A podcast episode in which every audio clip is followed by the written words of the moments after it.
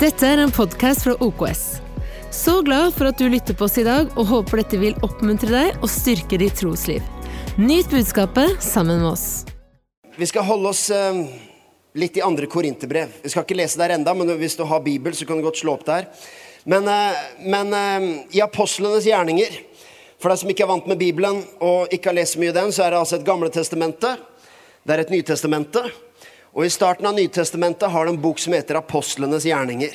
Den boka handler om den tidlige kristne kirke. Etter at Jesus har stått opp fra de døde, har reist hjem til sin far i himmelen, og så fyller han kirken med sin ånd, og derfra kommer fortellingen om den tidlige kristne kirke. Noe av det som eh, apostlenes gjerninger handler om, to tredjedeler den, den, de to siste delene av eh, apostlenes gjerninger handler veldig mye også om Paulus sitt liv. Paulus han var aldri Jesu disippel, en som gikk liksom som en av de tolv. Men han var en som forfulgte kirken, og som egentlig var en sterk motstander av denne nye bevegelsen, inntil han selv får et møte med Jesus. Og så handler mye av apostlenes gjerninger om hans virke. For etter hans omvendelse, etter han møter Jesus, så skjer det mektige ting, og han forkynner evangeliet. Han ber for syke. Det skjer Hva skal jeg si? Det er ganske morsomt når du begynner å legge merke til det, for historien om Paulus i apostlenes gjerninger, den er skrevet gjennom øynene til Lukas. Det er han som er forfatteren av den boka. Selvfølgelig inspirert av Den hellige ånd, men også gjennom Lukas sine øyne. Og jeg lurer noen ganger på om Lukas så veldig opp til Paulus. Jeg tror jeg tror Lukas litt sånn, hadde litt beundring for Paulus. Hvis du begynner å legge merke til formuleringene, så kommer de igjen og igjen. Hvordan Lukas forklarer hvordan Paulus hadde fremgang. Hvordan de eh, hadde også motstand og forfølgelse, men hvordan de sto støtt gjennom alle ting. Hvordan de bevarte troen, hvordan de bevarte overbevisningen. Hvordan de lovsang i fengselet, f.eks. Eh, liksom, uansett hva de møtte på, så var det en styrke med Paulus. En slags suksesshistorie sett med våre øyne som kristne. Faktisk slutter apostlenes gjerninger. Du trenger ikke slå opp uh, dit akkurat nå, men dette er sånn apostlenes gjerninger avsluttes. De to siste versene. I vers 30 og 31 så står det to hele år levde Paulus i huset han hadde leid seg inn i. Og han tok imot alle som kom til ham, uhindret og med stor frimodighet forkynte han Guds rike og underviste om Herren Jesus Kristus. Det er en veldig typisk Lukas-formulering. Uhindret og med stor frimodighet prekte helten min evangeliet der i et par år. Du vet det her er fortellingen om når de, når de blir fengsla. For det forteller apostlenes gjerninger om. At Paulus og Silas blir arrestert, satt i fengsel. Og jeg har mange ganger brukt den historien nå som et eksempel på virkelig eh, å bevare tro i tøffe omstendigheter. For de ble fengsla, satt inn i det mørkeste fangehullet. Og så har jeg ofte poengtert at der satt de ikke og syntes synd på seg sjøl, men de sang lovsanger, og de ba, osv. Og det er fantastisk. Og en historie som jeg gjerne vil uh, snakke om flere ganger òg i fremtiden. Men har du lest Paulus sin egen versjon? Fordi når Paulus er fengsla, så, så, skjer dette i en by som, eller et område som heter Makedonia. Og har du lest hvordan Paulus beskriver sin egen tid i Makedonia? Har du lest uh, Paulus sin Facebook-vegg om uh, hvordan det var der sånn? Hashtag 'nok en seier'. Hashtag fremgang på alle fronter. Hashtag takknemlig. Og så et bilde av en solnedgang i bakgrunnen. Nei, hør hva han sier, 2. Korinterbrev 7, vers 56. Heller ikke da vi kom til Makedonia, ble det noe lettere for oss. Vi møtte bare motgang, ytre strid og indre angst. Var det ikke der de løfta hender og sang, og troen svikta ikke? Men de sto støtt, og måtte ikke også vi være som Paulus og Silas, som i vårt mørkeste fange løfter hendene i tilbedelse og bevarer troen? Nei, Paulus sier vi hadde ytre strid og indre angst, beskriver han. Du skjønner, Det ene er fortellingen om Paulus fra utsiden, gjennom øynene til Lukas. Det andre er fortellingen om Paulus fra innsiden, fra hjertet til Paulus sjøl. Og fra utsiden er det en heltemodig historie, og det er ingenting galt med den. Begge versjonene er sanne. Det er bare at de har to ulike perspektiver. Den ene er fra utsiden, en heltemodig historie. Den andre er fra innsiden, nemlig en beskrivelse av et enormt press, som Paulus beskriver. Og jeg, som jeg skal gjøre det klart og tydelig for deg, Paulus driver ikke og prøver å få folk til å synes synd på seg sjøl. Tvert imot. Han peker på Jesus. Men det er likevel en ganske ærlig beskrivelse av presset han sto under. Ytre strid og indre angst. Og det hadde allerede vært vanskelig før vi kom til Makedonia. Lukas bruker ord som 'uhindret og med stor frimodighet'.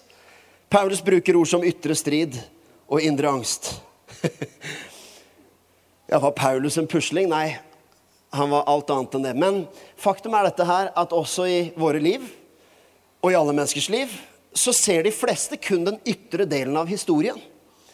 Og når folk leser deg og ditt liv, så er det litt som at de fleste klikker på overskriften, men det er få som leser hele artikkelen. De har ikke, den er gjemt bak betalingsmur.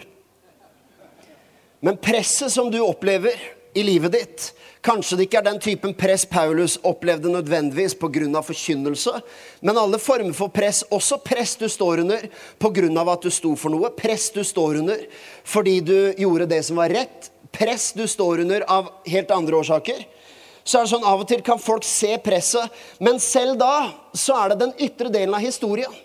Jeg vet om mennesker også håper å si, i, Man har erfart det sjøl, men man ser også mennesker i sine omgivelser hvor mennesker rundt gir masse skryt. Det kan være en ung leder, f.eks. Hvor man skryter av 'wow, du er så frimodig, du er så dyktig, du er så talentfull'. 'Så bra det var når du sa det og det'. Det er virkelig heier på deg og ber for deg. Og det er fantastisk bra. Men jeg vet også at for noen av dem så er det en daglig kamp om selvtillit på innsiden. Og en fight, det er, og det er ikke sånn at den ene historien er sann og den andre er usann. Begge er sanne. Det er bare at veldig ofte i livet så er det sånn at det fins en ytre og en indre historie. Og det er ikke nødvendigvis sånn at den indre historien er miserabel, og den andre er en gladhistorie. Disse tingene kan gå om hverandre, for faktisk er det mulig at det kan se ut som forfølgelse og motstand på utsiden, men likevel har du Jesu kraft og herlighet på innsiden. Men det er helt klart at det fins en ytre og en indre versjon av fortellingen om deg. Når noen ser, Og det er fantastisk når mennesker bare gir komplimenter og sier 'wow, så, så god forelder du er'. Du får det å være mamma til å se så lett ut. så god leder du er. Så bra det er det du gjorde deg, så, så sterk du var gjennom den sesongen. Det er utrolig du som mista den og den personen. Det er, det er, fantastisk å se hvor sterk du er. Og alt det er flott. Kanskje unge mennesker òg. Wow, så, så seriøs du er på skolen. Så bra det er. Man, man, får, man kan få anerkjennelse for mange ting som er fint. Men den indre delen av historien er kanskje at det som andre tenkte at det fikk du til å se veldig lett ut. Men du vet kanskje hva det kosta. Hvilke valg du måtte ta. Hvilke prioriteringer som måtte gjøres. Også den delen av historien som kanskje ikke nødvendigvis skal eksponeres til alt og alle. Kampene, usikkerheten, hva det krevde. Vet du, Av og til er det sånn at du har en ytre og indre historie med ungene. Jeg tenkte på den da forberedte budskapet her. og at uh, Av og til så må du fortelle barna dine i ulike settinger at dette kommer til å gå bra. Spesielt små barn. Det er ikke noe å være redd for. Det er den ytre historien. Så hender det kanskje på innsiden at egentlig så er du sjøl litt usikker på hvordan kommer dette til å gå. Hvordan vil det her bli? Og du trøster de. Det, det, er, det er i, Du kunne ta 100 eksempler. Det finnes en ytre historie og en indre historie. Ett eksempel til med Paulus før vi går videre her. For jeg tror dette skal være til skikkelig hjelp og oppmuntring for deg. Men vet, et eksempel til er, er det stedet der hvor Paulus nok en gang er ganske tøff. Ganske kul hvis du spør meg, og gjenfortalt av Lukas. Nemlig stedet der hvor det, det, Paulus preker så lenge et sted at det er en gutt som faller ut av vinduet og tilsynelatende dør. Det er derfor vi har plassert stolene her langt fra alle vinduer og alle Men apostlenes gjerninger beskriver denne historien. Gutten faller ut av vinduet. Og så, det her er bare I love it. Eh, Apostelens gjerninger 20, vers 10-11. Men Paulus gikk ned, bøyde seg over ham og slo armene rundt ham. Vær ikke urolige, sa han. Det er liv i han. Så gikk han opp igjen, brøt brødet og spiste og talte igjen lenge. Han er og Helt til det lysnet, da dro han av sted. Jeg liker liksom rekkefølgen her at uh, Å ja, han gutten Nei, dette går bra. Ro dere ned, folkens. Tranquilo, tranquilo. Og liksom reiser han opp. Og så går han og fullfører måltidet sitt.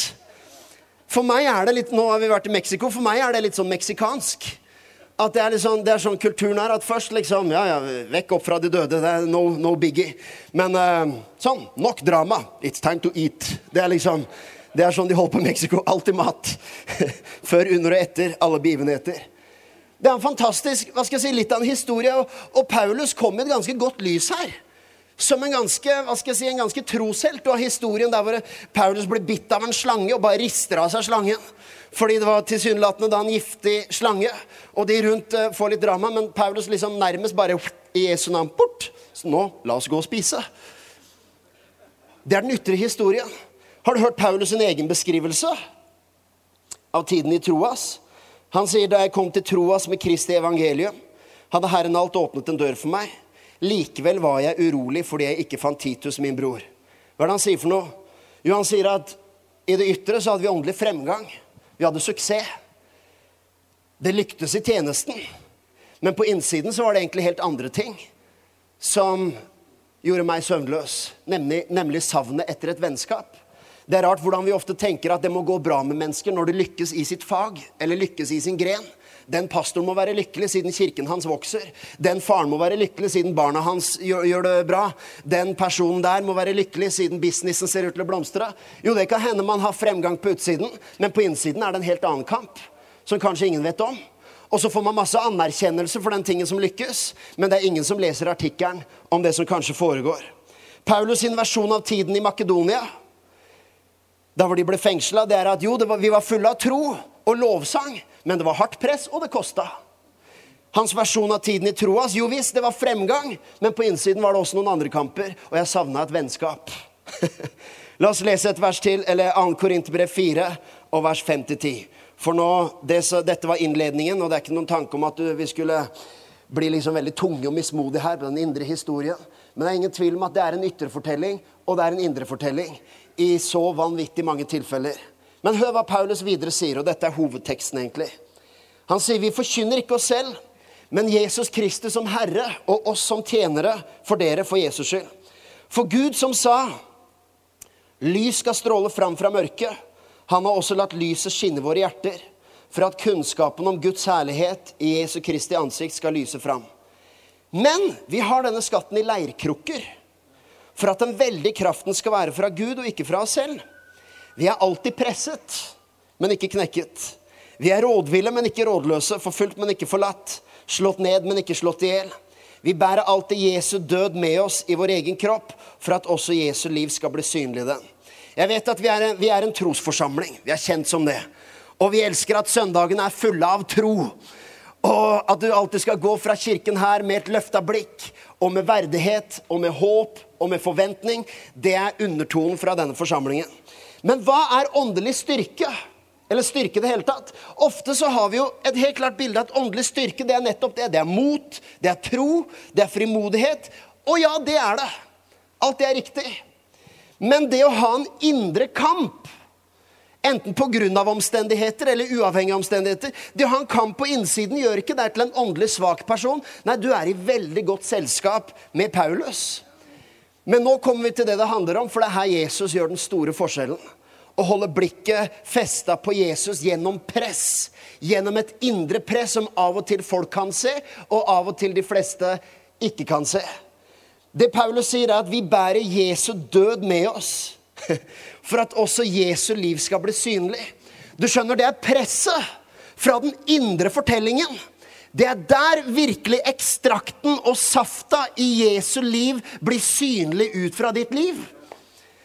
Når vi var i Mexico, så, så, skulle jeg også holde det budskapet. Og, og samme, dagen før så var vi på et sted hvor, eh, hvor det, det, var en sånn sukkerplantasje. Jeg følte meg utrolig sånn inni en NRK3-dokumentar akkurat da. Jeg var liksom ute for å se hvordan de gjorde dette her. og jeg tenkte at jeg burde på en eller annen måte få statsstøtte for å være her nå. Det, er, det føltes riktig. Men uansett, det som var nydelig, var at jeg, jeg aldri tenkt på vet, sukkerrør. Jeg har visst at sukker kommer fra sukkerrør. Men jeg har lurt på liksom, hvordan er det? Er det sånn de plukker røret, og så knekker det, og så heller de ut sukkeret? Eller hvor, hvor er sukkeret hen, liksom? hmm. Jeg har lurt på det. Men, men her, her, viste de, og, og, jeg vet ikke om det er sånn her alt sukker produseres. Men de kjørte sukkerrøra gjennom en maskin. Har vi den filmen som jeg bare Ja. Kjører sukkerrøra inn i den greia, og det er et enormt trøkk på det sukkerrøret. Så den blir bare Først så blir den jo liksom splinta opp i tusen biter på andre siden av liksom, hva skal jeg si, treet eller skallet, barken. Men så, når så går den gjennom et tannhjul til underst der. Og så blir det pressa ut en saft.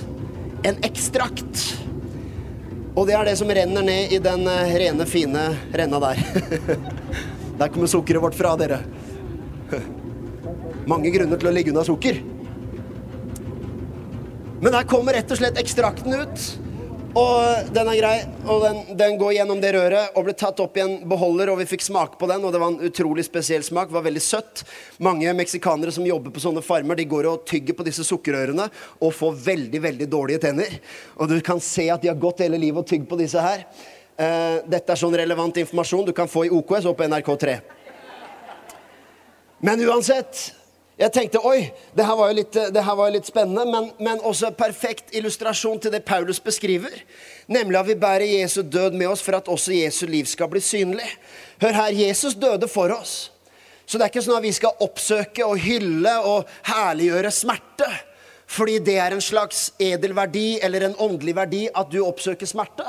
Nei, smerten den kommer av seg selv. Indre press selv Paulus, med sin fulle åpenbaring og sin frimodighet og sin tro, og driver og vekker opp døde og driver og helbreder syke, og driver og skriver halve Nytestamentet, og driver og skriver historie, og driver og setter et avtrykk som gjør at vi nå 2000 år etterpå leser tekstene til denne mannen som ikke engang var en av Jesu tolv disipler. Så en, han har massiv innflytelse. Men du skjønner, Paulus han er ikke mer glamorøs han er ikke mer opptatt av fasade enn å fortelle at jo, det var strid, og det var angst. Jo visst var det suksess, men på innsiden så følte jeg meg ensom, for jeg savna Titus. Du skjønner, i det indre presset som du av og til går gjennom, så er det sånn at når du holder blikket festa på Jesus gjennom de sesongene og gjennom de opplevelsene, så kommer også en ekstrakt ut fra livet ditt. Det er at Jesu liv blir synlig gjennom den døden som det føles som død, som du kan bære på av og til. Men den ekstrakten den blir synlig, og den er til velsignelse. Og den ekstrakten som kommer ut av sukkerørene, den kan man produsere utrolig mye forskjellig ut av. Akkurat som ekstrakten som kommer ut av det indre presset. Som forelder, som kristen på jobben, som trone på skolen og spørsmålene du må svare på. Som en som kanskje står for noe i en setting der du blir prøvd på visse ting. Som en som har måttet ta vanskelige valg i livet for å kanskje legge fortiden bak deg. Hvor andre kanskje kan si 'wow, fantastisk å se hva Gud har gjort i ditt liv'. Og det er sant, og du fryder deg med det komplimentet. Men samtidig vet du på innsiden hvor tøft det kanskje har vært. Hvilke valg du har måttet ta. Kanskje også noen ganger ikke ikke bare gjennom suksess, men gjennom også motstand, der kanskje mennesker også vil dømme historien din basert på det de ser i det ytre. Men de har ikke lest kanskje artikkelen om hva som egentlig har foregått. Det er lett å lese overskrifter. Det er lett å klikke på titler. Men du skjønner, fra ditt perspektiv og fra Guds perspektiv så finnes det nemlig et press som er der, men som når du lar Jesu liv få komme ut fra død, i ditt liv så er det en ekstrakt som kan brukes til så vanvittig mye. Vi er presset, men ikke knekket. Det er en liksom fancy ting. Vi er presset, men ikke knekket. Men når Paulus sier 'vi er presset, men ikke knekket', så er det og Hold deg fast. Jeg skal, dette, jeg skal fortsatt ikke gjøre deg mismodig. Men, men, det er jo også, når Paulus sier det, 'vi er presset, men ikke knekket', så er jo det, det betyr jo også at press kan faktisk knekke mennesker. Oh yeah. Det er jo nettopp under press. Jeg har sett det mange ganger. jeg. At mennesker tar forferdelig dårlige valg. Hvorfor det? Jo, for de var under press. Det er under press vi ofte gjør dumme ting vi angrer på. Og vi til og med rettferdiggjør vår synd av og til under press. Og tenker at folk må forstå at jo, jeg tok det valget. Jo, jeg gjorde det med den personen. Jeg tok de relasjonelle valgene. Jo, jeg hadde ikke orden på økonomien. jeg hadde ikke... Men du skjønner, jeg var under press. Du skjønner, Press kan få oss til å gjøre veldig mye rart. Og ofte er det presset som er vår liksom forklaring, vår rettferdiggjørelse av at det ble sånn. Det er mange ting som kan bli knekt under press. Når ekteskap blir ødelagt, så er det ofte pga. press. Når ledere faller, når kristne ledere gjør dumme ting eller må kaste inn håndkle av ulike ting, så er det et press. Så Paulus sier ikke at press aldri vil ødelegge mennesker. Nei, poenget er dette er sånn. Det er å vite noe om hva man skal gjøre med presset, sånn at det ikke vil knekke deg. Amen. Kan jeg si det en gang til? For det her var ikke, her var ikke liksom en mismodig greie med at ja, pass på, press kan knekke deg. Nei, det er en påminnelse om at når presset er der, så må du ha gjort opp noen tanker på hva du skal gjøre med det. Og hvor du har tenkt å plassere blikket ditt gjennom press. For hvis du bare tenker at presset det kommer, og jeg er nok sterk nok til å fikse det, og trenger ikke dele det med noen, akkurat hva jeg går gjennom, så er det i stand til å knekke mennesker. Og av og til på andre siden, når mennesker er knekt gjennom press, så står man og sier Wow, dette visste vi ingenting om. Hvorfor skjedde det? Vi ante ikke at du hadde det så vanskelig. Nei, fordi vi leser den ytre historien. Men det fins en indre historie som Gud kjenner. Og når det presset kommer, så fins det en måte å holde blikket festa på Jesus som gjør at det produserer liv i stedet for å ta livet av deg. Så hvordan holde blikket festa på Jesus? Jo, jeg skal vise deg gjennom to enkle ting. Og egentlig er det litt sånn hva, hva når vi ikke holder blikket festa på Jesus gjennom press? Hva skjer da? Jo, det ene er dette her som kan skje. Det er at jeg identifiserer meg som et offer. Når mennesket ser bare min ytre historie, og jeg vet at den indre historien er annerledes, så kan vi bli ganske desperate etter forståelse. Vi vil at noen skal forstå oss. Er det bare jeg som er så svak, eller fins det en annen person her også som kjenner seg igjen i det? Er det ikke sånn når folk bare har hørt noe, sett noe, og de har en oppfatning av det, og du har en indre oppfatning som er helt annerledes, er det bare meg, eller er det noen som av og til har så himla lyst til å fortelle sin versjon? Jeg vedder for det. Og jeg vedder for når folk skriver visse ting på Facebook, og kanskje et eller annet som er full av anklager, eller de kanskje til og med forteller om enkeltepisoder eller forteller om ting Jeg vedder for at det alltid er en på andre siden som sier 'Jeg skulle ønske jeg kunne fortelle min side av dette'. Men så kan vi bli så desperate etter forståelse. Og så tenker vi at hvis de bare kan se at det er jeg som er offeret, så vil de gi meg anerkjennelse. Jeg, jeg, prøver ikke å leke Dr. Phil, men jeg tror dette stikker veldig veldig dypt i alle menneskers liv. Hvis jeg i denne situasjonen kan få mennesker til å forstå at det er synd på meg, jeg er offeret her. Det er noen andre som har forvoldt meg smerte. Så tenker vi at da vil de anerkjenne meg, da kan jeg få sympati, og da kan jeg også rettferdiggjøre noe av valgene jeg har tatt. Hør her. Jeg tror at det å bli forstått er overvurdert. It's overrated. Spesielt når vi jobber så hardt for å bli forstått. Og til slutt så er det noen som forstår oss, og så er det fortsatt ikke nok til å tilfredsstille tomrommet vi hadde. Og av og til så er det de som vi tenker, de som vi tror forsto oss, de som vi føler hadde forståelse, det kan også skape en enorm knytning til mennesker. Hvis du har et desperat lengsel i ditt indre etter at noen skal forstå, så kommer noen og sier 'jo, men jeg forstår'. Så kan det skape en utrolig binding. Jeg har sett utroskap finne sted pga. akkurat det. Har du hørt den klisjeen noen gang? 'Endelig fant jeg en som forsto meg'. Du skjønner, Det skjer livsfarlige ting når vi er så sultne etter forståelse. Man kan ta sprø valg som kan ødelegge fremtida. Og man kan bli veldig knytta til de, den ene som vi følte forsto oss. Men det betyr ikke at de har vårt beste i sinne. Faktisk av og til bruker vi den ene som vi følte forsto oss, kan vi bruke til å liksom se ned på resten som vi følte ikke forsto oss. Så har vi rangert mennesker etter snill og slem. De snille er de som forstår meg, de slemme er de som ikke forstår meg. Skjønner, Jakten etter forståelse kan ta livet av din sjel. Men her er de gode nyhetene. Det er en som forstår. Jesus Kristus. Han gikk så Du skjønner, uansett hvor lavt du gikk i ditt liv, og hvor tøft og hvor sterkt press det ble på deg, så er det sånn at han som bor på innsiden av deg, han gikk lavere. Uansett hvor stort press du er blitt utsatt for, så er det sånn at han som bor på innsiden av deg, ble utsatt for større press. Han ble utsatt for så voldsomt press at til og med når vi feirer nattverd, så er det et bilde på at den vin man drikker, som kommer ut av også press av at druene blir pressa, er et bilde på at Jesus ble så trygt, så pressa, så fornedra, så under angst at han svetta dråper av blod i frykt, som, som er en Som forteller noe om at Jesus ikke bare gikk gjennom fysisk smerte, men også en sjelisk smerte der han til og med ber Gud fins det noen måte å slippe dette her. Men hvis ikke, så er jeg villig til å gå gjennom det. Han som bor på innsiden av deg, sier Bibelen, han ble prøvd som et menneske. Så du vet, Av og til er det sånn Jo, det er fint at Jesus forstår meg. Det er liksom bra. ja, Gud forstår meg. Men jeg vil at han skal forstå meg. Jo, av og til så er det en litt sånn påminnelse om hvem som er herre. Og Jeg sier ikke at vi ikke trenger forståelse. Vi trenger forståelse fra ektefeller, vi trenger forståelse fra folk rundt oss. Men du skjønner, hvis vi tenker at jo, det, Jesus elsker meg, selvfølgelig gjør han det. Skulle bare mangle. Men Men jeg trenger at han forstår, jeg trenger at de forstår, jeg trenger at life-gruppa mi forstår. Nei, du skjønner, Jesus, Det er derfor det å gjøre Jesus til herre, det er ikke noe som gjør deg til slave, det er noe som setter deg fri. For når Jesus er herre, så vil hans ord være det som veier tyngst som gjør at du blir mindre avhengig og mindre slave av menneskers meninger, og mer fri av det Jesus har sagt. Og som gjør at de ordene gjør at jo, mennesker vil noen ganger forstå, noen ganger misforstå. Men min appetitt er å se til Jesus Kristus. For jeg vet uansett hvor lavt jeg er, så gikk han lavere. Uansett hvor tungt press jeg står under, så sto Jesus under større press. Og han som er i meg, han kan identifisere seg, for han ble et menneske. Han ble kjøtt og blod og ble prøvd på alle måter som oss. Og han bor i meg, og det er all forståelse jeg trenger. Han vet hva det vil si å bli avvist. Han vet hva det vil si å stå i en indre kamp. Han vet hva det vil si å bli misforstått.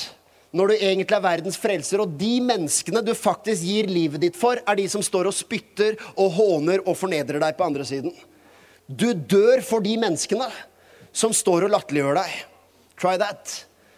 Du skjønner, De gangene vi blir så krenka over at noen misforstår Tenk at de da sa det, og de forstår ikke Nei, de forstår ikke, men han som bor i deg, han gikk gjennom langt heftigere misforståelser enn det. Og hans liv er i deg, og hvis han er i stand til det, så er du i stand til det. Ikke pga. at du er så sterk, men fordi du er et leirkar, og han som bor i deg, vil at hans herlighet skal lyse fram. Og det presset kan produsere liv. Av og til er jo presset vi opplever, er jo også eh, Skal jeg si det her Av og til så er det jo så er det jo også bare vår umodenhet som skaper press og smerte. Du, jeg tenkte på når, når, eh, når vi bodde på hotell nå med hele familien. Så løper vi fra rommet og ut i heisen. Og Mikkel, vår yngste sønn, han er jo da Han vil gjerne trykke på knappen først. Så går vi til heisen, og jeg kanskje bare av vane trykker på den knappen om at vi skal ned. Og Mikkel oppdager at pappa har allerede trykka på knappen. Og se desperasjonen og angsten i blikket hans. Jeg skulle trykke på knappen! Jeg har lengta etter det siden i går kveld. Jeg skulle trykke på knappen! Vet, Hans smerte er, den er ekte. Den er dyp. Den er omfattende. Den er i mange, mange lag. Det er, det er en enorm emosjonell eh, tornado av følelser. Jeg skulle trykke på knappen! Og du vet, det hjelper, Smerten er ekte, det er det som er, for det hjelper ikke å snakke han til fornuft. Jeg kan ikke forklare Nei, Mikkel, det fins større problemer i verden her. Nei, han, er, han, hører ikke fordi alt er Jeg skulle trykke på knappen! Jeg kan jo til og med argumentere for at det er jeg som har betalt for dette hotellrommet. Så skal vi være helt redelige her. Er det noen som kan trykke, så er det jo meg! Det er jo litt gøy òg. Men du skjønner, sannhet finner aldri noen vei gjennom en vegg av følelser. Og av og til så er, du vet, Det som er med Mikkels smerte, er at den er ekte. Den er genuin. Og vi kan le av det og smile av det. Men for han så er det der og da så er det en fortvilelse. Og jeg lurer noen ganger på vet, Det er jo en avstand i modenhet fra Mikkel til meg. Jeg lurer på hvordan avstanden er fra meg til Gud noen ganger. Kan det være at den er at det er litt der òg? Eller er den kanskje enda større? For jeg når ikke alltid gjennom til Mikkel med fornuft. Fordi alt han ser, er smerten av at jeg ikke fikk trykke. Og jeg lurer på om av og til Gud når ikke gjennom til oss med sine ord, for det er en sånn avstand i visdom. Og vi, er, vi, har et eller annet foran oss som, som opptar oss, og som 'Jeg skulle gjøre dette her, og sånn skulle det bli, og sånn vil jeg ha det'. Men Gud, du skjønner, i de situasjonene så må vi for det første stole på Gud når vi ikke forstår helt ting. Og så tror jeg dette her, at når vi har smerte og press, så er det av og til pga. små perspektiver. Vi har for små perspektiver, og smerten er like ekte. Det er ikke det jeg sier, at smerten din ikke er virkelig. Den kan være ekte. Men jeg tror at ved å vokse i ditt åndelige liv, ved å håndtere smerte, eller ved å vokse i ditt åndelige liv, så er du i stand til å bære litt større ting. Du er i stand til å se litt mer. Du er i stand til å få større perspektiver. Du blir i stand til å bære litt mer vekt. Og du blir mer knytta til Jesus enn til menneskers bekreftelse. Og du klarer også i sesonger hvor det er smerte du ikke helt forstår, så klarer du å stole på Gud, for du vet at han har et stort nok perspektiv. Så jeg må bare stole på at fra hans øyne så er jeg i gode hender. Så kommer alt til å virke sammen til det gode. Så kommer ekstrakten som kommer ut av mitt liv, til å produsere liv. Amen? Vi er, vi er, så vant med i vår kultur også å få anerkjennelse for den ytre delen av fortellingen. Det er, liksom, det er ikke blitt noe bedre, dette her, etter sosiale medier. og av og til så tror jeg når vi føler at folk ikke forstår den indre Altså folk forstår den ytre historien, men de forstår ikke den indre. så tror jeg at ofte er det da mennesker har en tendens til å også ville gi opp på ting. Og kaste inn håndkle. Og jeg tror det også har å gjøre med hvor vant vi er med å få ytre anerkjennelse. For man kan jo tenke sånn her i dagens kultur Hvorfor skal jeg fortsette å gjøre en ting, eller holde ut en ting, som jeg ikke kan få lagt ut noe sted, og som ingen kan trykke like på? For det er min indre historie. Det er ingen som kommer til å godkjenne det og omfavne det. Kanskje er det derfor også at vi har en hvis jeg får lov å si der, Kanskje er det derfor også vi har en generasjon, en oppvoksende generasjon som er fantastisk kreativ, som er dyktig, som er talentfull, som er full av verktøy, som er full av eh, De har enorme redskaper, de har teknologi, og de er smarte, og de er briljante, og de er påkobla, alt mulig sånn. Men det er ufattelig mange som sliter med et press. Jeg tror at det er sammensatt. Jeg prøver ikke å komme med enkle løsninger på det her. Men kan det også hende at noe av det presset oppstår? For det er så vanskelig for oss å bære noe på innsiden som vi ikke får anerkjennelse for på utsiden. Hør hva Jesus sier. Du skjønner, Jesu kraft er der for å gi styrke til din indre fortelling, ikke for å pynte på den ytre. Jesus' synlighet i livet ditt er ikke at han gjør fasaden din vakrere. Det er at han gjør deg sterkere i ditt indre menneske. Hør på Matteus 6, 16-18, og vi, vi, nærmer oss veldig slutten her nå. Når dere faster, sier Jesus, så vær ikke som hyklerne, som faster med et trist ansikt. Det, kan, det, er, det, er det, det, er det som er punktet, den ene siden her. Hvordan er det vi kan la press knekke oss? Jo, vi prøver å bli et offer. Og det er som Jesus snakker til de som faster med et trist ansikt. For de fordreier ansiktet sitt. Tidene har ikke forandra seg. De fordreier ansiktet sitt slik at de skal vise for menneskene at de faster. Og det er fristende å snakke mer om det. Sannelig sier jeg dere, de har allerede fått sin lønn. Men du, når du faster, da salv hodet ditt og vask ansiktet ditt. Med andre ord det Jesus sier, gjør som normalt. Gjør som vanlig. Slik at du ikke viser deg fasende for menneskene, men bare for din far, som er i det skjulte. Og din far som ser i det skjulte skal belønne deg åpenlyst. Hva betyr dette? Jo, det betyr Guds hånd over deg er først og fremst på det som skjer i det skjulte. Og da mener jeg ikke sånn ja, det er det du gjør når ingen andre ser deg, de hemmelighetene du bærer på. Da snakker jeg om det presset og den delen av fortellingen som folk ikke kan se. Den artikkelen om deg som er bare er bak betalingsmur, og som kun Gud og du kan lese. Bare Gud forstår den enda bedre. Men Guds hånd er over deg først og fremst i det skjulte. Og Gud ser hele fortellingen. Og det som står her, er rett og slett at det han ser i det skjulte, det som skjer på innsiden, skal produsere en ekstrakt på utsiden. For han lønner i det åpenlyse. Kjære, du er der allerede, ja, Svein. Takk skal du ha. Jeg har vært borte så lenge, og så gjør du dette mot meg. Kjære tid. Ok, vi må gå til den andre og den siste. Runder vi av med det her. Så det ene er vi gjør oss selv til et, til et offer og tenker at hvis bare folk kan se at det er meg det er synd på, hvis folk bare kan se at det er meg som Det er de andre som er gjerningsmennene. Hvis jeg bare kan fortelle nok dritt om det de andre har gjort mot meg, eller den andre har gjort, så vil jeg få anerkjennelse. Men vet du hva? Det blir aldri nok. Og jeg har sett det mange ganger. Det blir aldri nok. Det fyller ikke tomrommet. Du kan få 10 000 mennesker til å late som de forstår deg, men sannheten er at den eneste som egentlig, hvis du tenker rasjonelt på det, den eneste som virkelig kan forstå deg, er kun de som kjenner deg. Det er ikke vanskelig å få forståelse hos en som ikke kjenner deg så godt. Hvis jeg møter en eh, for aller første gang, så kan jeg fortelle noe om livet mitt og jeg kan fortelle om jeg, hva mennesker har gjort mot meg. Det er ikke vanskelig å få forståelse. Det er den som kjenner deg, som kun egentlig har grunnlag for å mene noe. Det er en som kjenner deg tvers igjennom, og det er din far i himmelen. Og du må stole på han gjennom de sesongene, at det er nok, for han er herre. Så sier jeg ikke at du aldri skal tale din sak, eller at du aldri skal kunne forklare eller bruke ordene dine. Du forstår det, det er en del av hverdagen. Men jeg sier at i den her indre fighten, i det indre presset, så må du feste blikket på Jesus, så ekstrakt kan komme ut. Det andre er dette her. Og det, det tar ikke lang tid. Men når vi er leirkar For Paulus snakker om at vi er leirkar, men vi ønsker å fremstå som en kinesisk mingvase. Det er det som egentlig er overskriften her i dag, er skinnende leire eller kinesisk ming. Fordi det kan virke veldig likt at enten prøver jeg å se ut som et offer for å få folk til å synes synd på meg, eller så prøver jeg å se ut som en perfekt ming-vase så folk skal beundre meg. Det kan høres ut som to veldig forskjellige ting, men det er sprøtt hvor like de er i sin natur.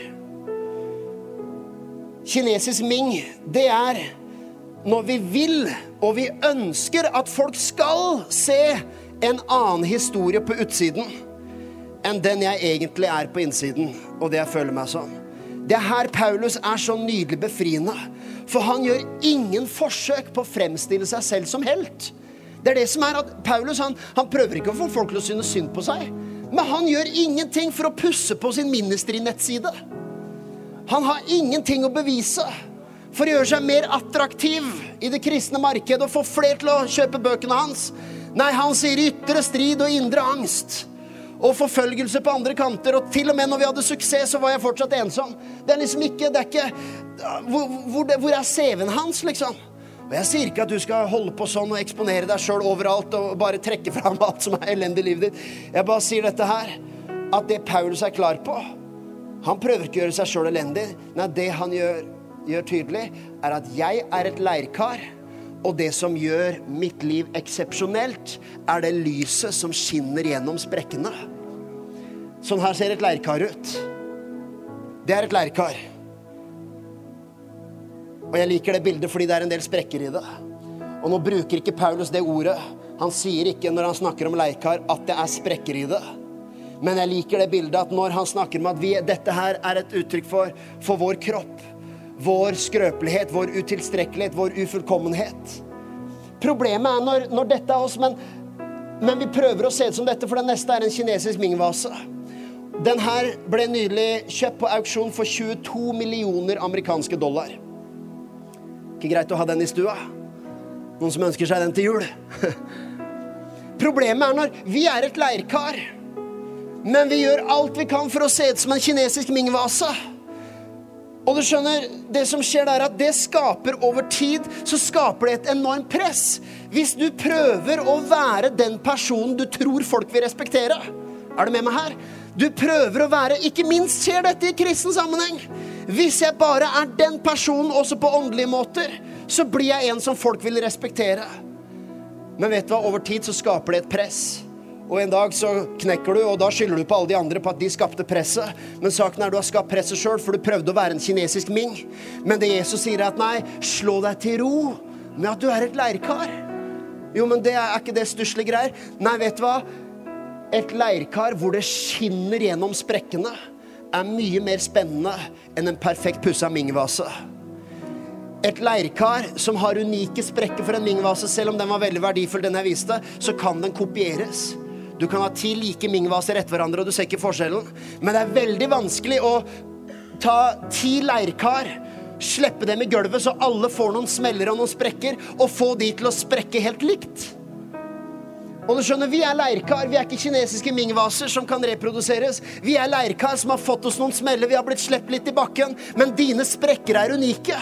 Og det gjør at hvert fall ingen trenger å prøve å skille deg fra hvilken, hvilken Ming-vase. Det er det som er når alle kristne ser like ut og alt ser perfekt ut, så er det som om det er bare en forsamling av kinesiske Ming-vaser. Umulig å se forskjell. Nei, vet du hva? OKS er en forsamling av sprukne leirkar. Der hvert leirkar har sine egne sprekker, og noen har store hull, noen har litt små hull, noen har veldig synlige hull. Noen Der gikk batteriet tomt. Nei. Noen har veldig synlige hull. Noen har mer kamuflerte hull, men det er der Jesus får lov å skinne, er gjennom sprekkene. Gjennom dine sprekker. Så du må la lyset fra herligheten få skinne fram gjennom sprekkene i ditt leirkar. For når du prøver å være en kinesisk Ming, så slipper ikke lyset ut noe sted. Men Paulus sier dette her er meg. Dette er min indre historie. Han prøver ikke å utlevere seg sjøl. Tvert imot, han peker på Jesus og sier at vi har håp ved at Jesus, det som egentlig så ut som død, det ble til liv. Aller siste vers, og så er vi ferdig. 2. Korinterbrev 4, 16-17 sier derfor mister vi ikke motet. For selv om vårt ytre menneske går til grunne, blir likevel det indre mennesket fornyet dag for dag. Det er snakken om at det ytre kan gå litt til grunne, men i mitt indre så har jeg, så har jeg fred med Gud og med Hans ånd som fornyer mitt liv dag for dag. Du skjønner, du må ikke bære La oss lese ferdig verset. For vår trengsel, som er lett og som bare varer en kort stund snakker igjennom trengsel, virker for oss en enda mer overstrømmende og evig fylde av herlighet idet vi ikke retter blikket på de synlige ting, men på de usynlige. Det kan bety mange ting. Men ut fra dagens preken, det kan også bety at vi retter blikket på den indre fortellingen. Det er der jeg må slippe til Jesus.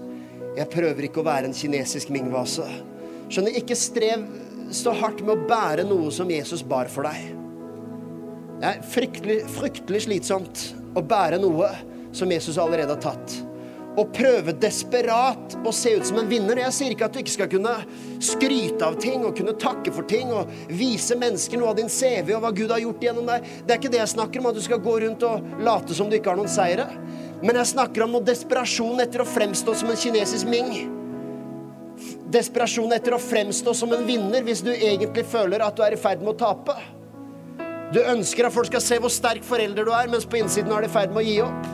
Du ønsker at folk skal se hvor sterk kristen du er, og hvor, liksom, hvor modig du er på arbeidsplassen og på skolen din, mens på innsiden har du sjøl dine egne tvilspørsmål og ting som du ikke forstår. Når du hele tiden prøver å holde opp en kinesisk mingvase, jo, da er det som om du prøver å bære Du prøver å fremstå som en vinner når seieren er i Jesus. Han har båret det for deg. Ikke prøv å være frelser i din verden når det kun fins én. Ikke kjemp så hardt for ditt omdømme når Jesus har sagt at han strider for deg. Gud kjemper for deg. Han vil la sitt lys skinne gjennom sprekkene. I alle ting stol på Jesus. La han få skinne gjennom deg. Hvis du prøver å være et offer og synes synd på deg selv, så er budskapet det her nei.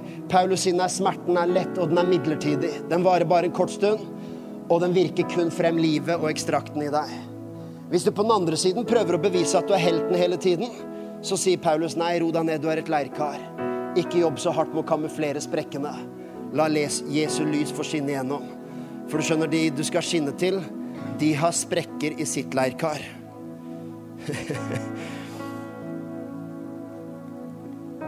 Hvilken er det som vil hjelpe deg mest? Hvis jeg er et leirkar full av noen sprekker, jeg har blitt sluppet litt i bakken, jeg har fått meg noen smeller, så ser jeg en kinesisk ming og tenker å, oh, wow, det var en vakker vase. Tenk å vært sånn. Eller er det hvis jeg har noen sprekker, og så ser jeg et annet leirkar som også har noen sprekker, og ser lyset fra Jesus skinne gjennom, så vil jeg tenke oi, wow. Hvis han kan, så kan jeg. Hvis han overlever, så kan jeg overleve. Takket være Jesus. Hvis han kan fortelle ærlig om de fightene der, så har ikke jeg så fryktelig mye å bevise heller. La oss være en kirke av leirkar full av lyset fra Jesus. Amen. Takk for at du tok deg tid til å lytte på en av våre podcaster fra OKS. Vår visjon er å bringe Jesus til mennesker i vår verden, og mennesker i vår verden til Jesus. Følg oss ellers på vår YouTube-kanal og sosiale medier. Du er velkommen til å besøke en av våre kirker. For mer informasjon, sjekk ut oks.no.